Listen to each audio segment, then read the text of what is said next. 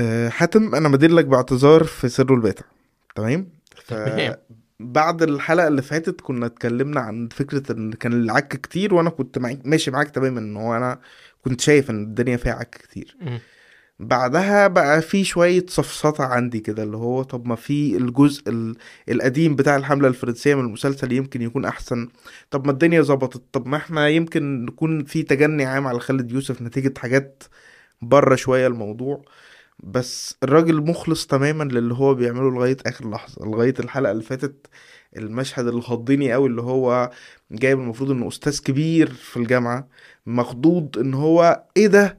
بقى الإسلام بشر بال مش عارف الحضارة بتاعتنا بشرت بحقوق الانسان من 1400 سنة والغرب لسه جاي مش عارف من 50 سنة وبيتباهى بمعاهدة جنيف. سر الباتع بيوصل التدني والملل والعك وفي كل المشاهد.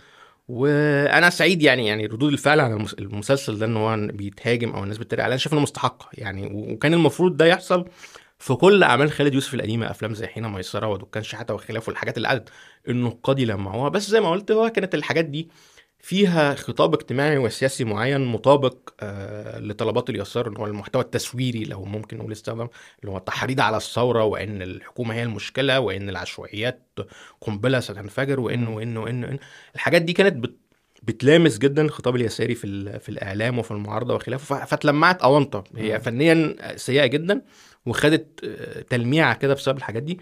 والنهاردة بقى هو راجع بحاجة مش مش ملمسة قوي في الكلام ده وحاجة يعني old school قوي لدرجة إن في ناس في, في على السوشيال ميديا تقول إيه أنا دايما لما بفتح سره الباتع أحس إن أنا في التسعينات كده اللي هو. مسلسلات التسعينات اللي هو ال- ال- الأداء الرخم وال- والشغل الرخم والبتاع آه، حاجة كده قديمة آه،. بشكل سخيف يعني فأنا شايف إن اللي بيحصل للمسلسل ده من هجوم آه، مستحق وإنه حاجة يعني. فعلا للنسيان يعني إنما هو مشكلة خالد يوسف هرجع أقول بقى بعيد عن الأفكار وبعيد عن هنرجع هي, هي مشاكله بقى. فنية يعني مم. انت برضو إيه التمثيل من أسوأ ما يكون رغم إن أنت لما تشوف ممثلين زي ما قلنا من اللي معاه شغالين في مسلسلات تانية كويس. مم. بس هو لا ال casting عنده حلو ولا هو بيوجه الممثلين. يعني أنا في مشاكل كتير في المسلسل ده بحس كده إن هو إيه الناس طالعة تقول الكلام كده ال- ال- ال- ال- المكتوب في السيناريو وخلاص. مفيش أي- مفيش حتى محاولة أداء يعني. اللي هو يلا نخلص ونروح والسلام عليكم.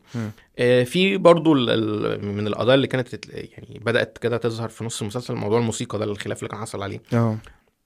فمفيش مشكلة يعني لا مفيش مفيش مشكلة اعتراض فنية. على المبدأ إن. أنت تعمل كده إنما طالما عملته أنت بترجع للحقوق دي دي نقطة النقطة بقى الثالثه المهمة إن أنت طالما خلاص أنا أنا شريط الصوت في في سر الباتا في موسيقى لكمال الطويل وفي موسيقى لفلان وفلان وفلان وفلان ما ينفعش يبقى التتر بيقول لي موسيقى رافع داوود وشكرا مم. أنت استخدمت من الناس دي ادبيا وذوقيا لازم تحط الأسامي اللي أنت آه، أسامي الناس اللي ألفت الموسيقى اللي أنت استخدمتها مم. طبعا هو خالد يوسف عشان زي ما قلنا هرجع أقول تاني هو مش مخرج أصلا يعني هو حد دخيل على المجال ده مش فنان ده واحد كده طلع في ظروف ما وخالد ويوسف شاهين فرضوا علينا كده كأنه مخرج ومؤلف عظيم وهو حد ملوش فيه.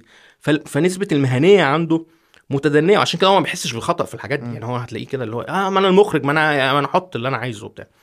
الدماغ مش فنان الدماغ مش يعني هو حتى حد مش قادر يحترم المهنة ويحترم المبدعين التانيين في موسيقى أو خلافه دماغ حد بيعك حد كده اللي هو آه أنا أعمل اللي أنا عايزه ومزاجي زي الفل وبتاع.